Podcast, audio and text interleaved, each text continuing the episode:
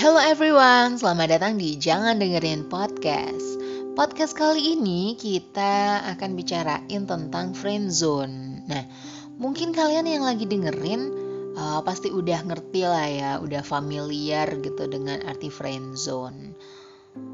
Ya, kalau boleh diibaratkan gitu kan ya, friendzone tuh udah kayak jebakan karena keputusan apa pun yang nantinya kita akan ambil itu resiko sakit hatinya itu mesti ada gitu. Oh ya mungkin sebelum kita bahas lebih jauh jaga-jaga aja sih takut ada yang nggak ngerti nih. Friendzone tuh terdiri dari dua kata friend and zone ya.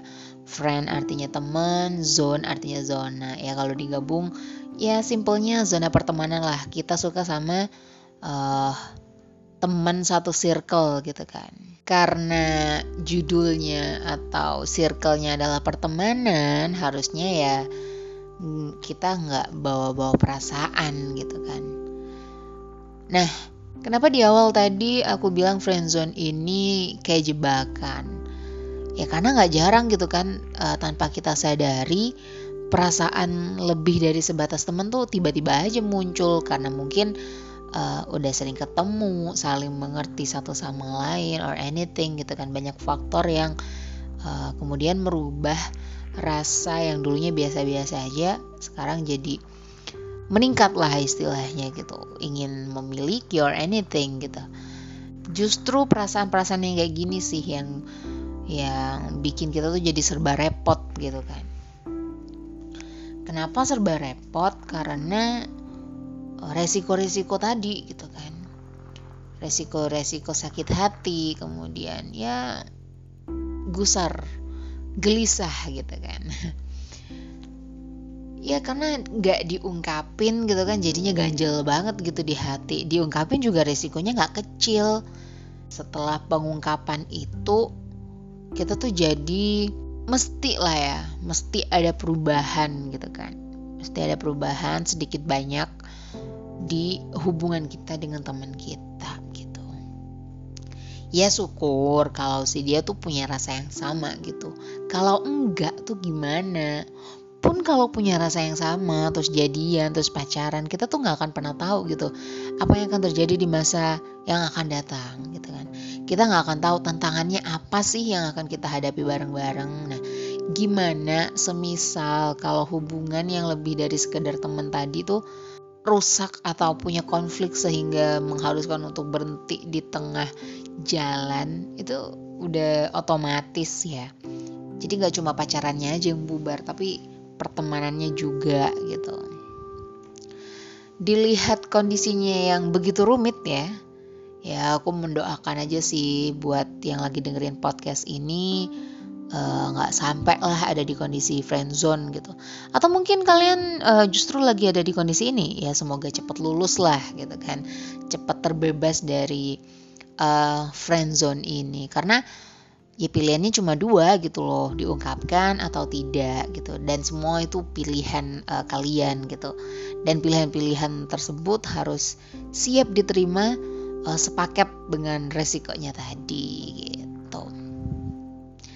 tapi uh, aku pribadi salut ya bagi beberapa orang karena aku menemukan beberapa kasus eh, orang-orang ini yang merelakan menyimpan perasaannya karena ingin lebih menyelamatkan uh, friendshipnya gitu pertemanannya gitu. Ya alasannya banyak gitu kan. Ada yang memang memang nyaman dengan kondisi seperti itu ada juga yang mikir ya udahlah daripada pertemanan yang jadi korban gitu kan. Jadi kalau ketika diungkapkan ternyata nantinya um, punya perasaan yang berbeda terus makin jauh kan jadi nggak enak juga gitu. Nah ya intinya apa pun yang kalian pilih keputusan-keputusan yang kalian pilih ya semoga yang terbaik lah ya Nah, sekarang kalau ditanya nih, aku pribadi bakal pilih yang mana gitu kan, antara mengungkapkan atau memendam aja.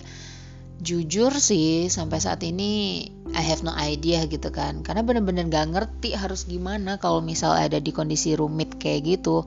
Karena terlalu banyak kemungkinan-kemungkinan yang mungkin banget kejadian gitu. Dan di antara kemungkinan-kemungkinan itu nggak sedikit, bahkan mayoritas adalah kemungkinan-kemungkinan yang buruk gitu. Coba deh dibayangin lagi nih. Misal kita mengungkapkan. Ya ketika kita mengungkapkan uh, resikonya masih 50-50 lah ya. Kalau suka ya syukur nggak suka ya bakal ada yang beda gitu. Nah kalau nggak diungkapkan ganjel di hati dan sampai kapan pun kita nggak akan tahu gitu perasaan si dia tuh kayak mana gitu kan.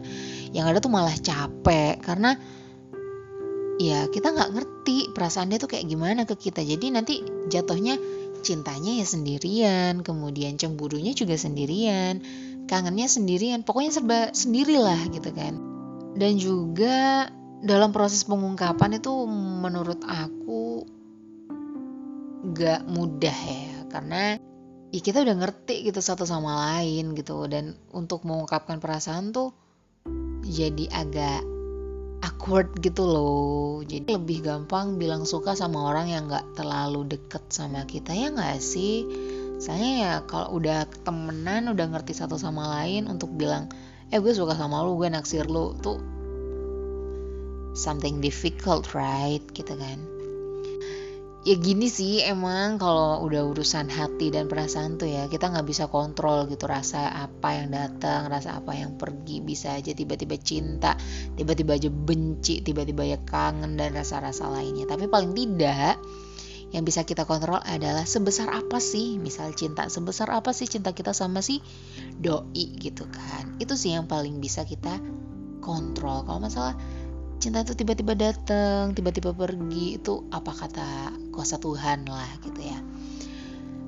Ada sebenarnya beberapa tips cara yang mungkin untuk dilakukan uh, supaya nggak terjebak di friend zone ini. Hal pertama yang biasa dilakukan adalah kita cari tahu, ya. Kita cari tahu um, itu kan satu circle gitu kan sama kita otomatis ya seharusnya lebih mudah untuk menggali informasi gitu. Misal dikamuflasekan uh, di dalam obrolan sehari-hari, eh lu sekarang lagi deket sama siapa sih gitu. Cerita dong kan kita udah temenan nih gitu kan. Nah dari situ kan kita bakal tahu. Sekali lagi setiap keputusan kalau kita udah terjebak di friendzone ini, segala keputusan, semua keputusan itu resiko sakit hatinya mesti ada gitu ya. Jadi misal kalian mau cross check dulu dan ternyata jawabannya nggak sesuai sama ekspektasi misal rasanya yang nggak sama ternyata sama kita ya that's it gitu kan. Kita harus terima gitu.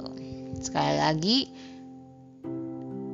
uh, semua keputusan yang ada di dalam friendzone ini ya harus diterima sepaket dengan resikonya gitu kan.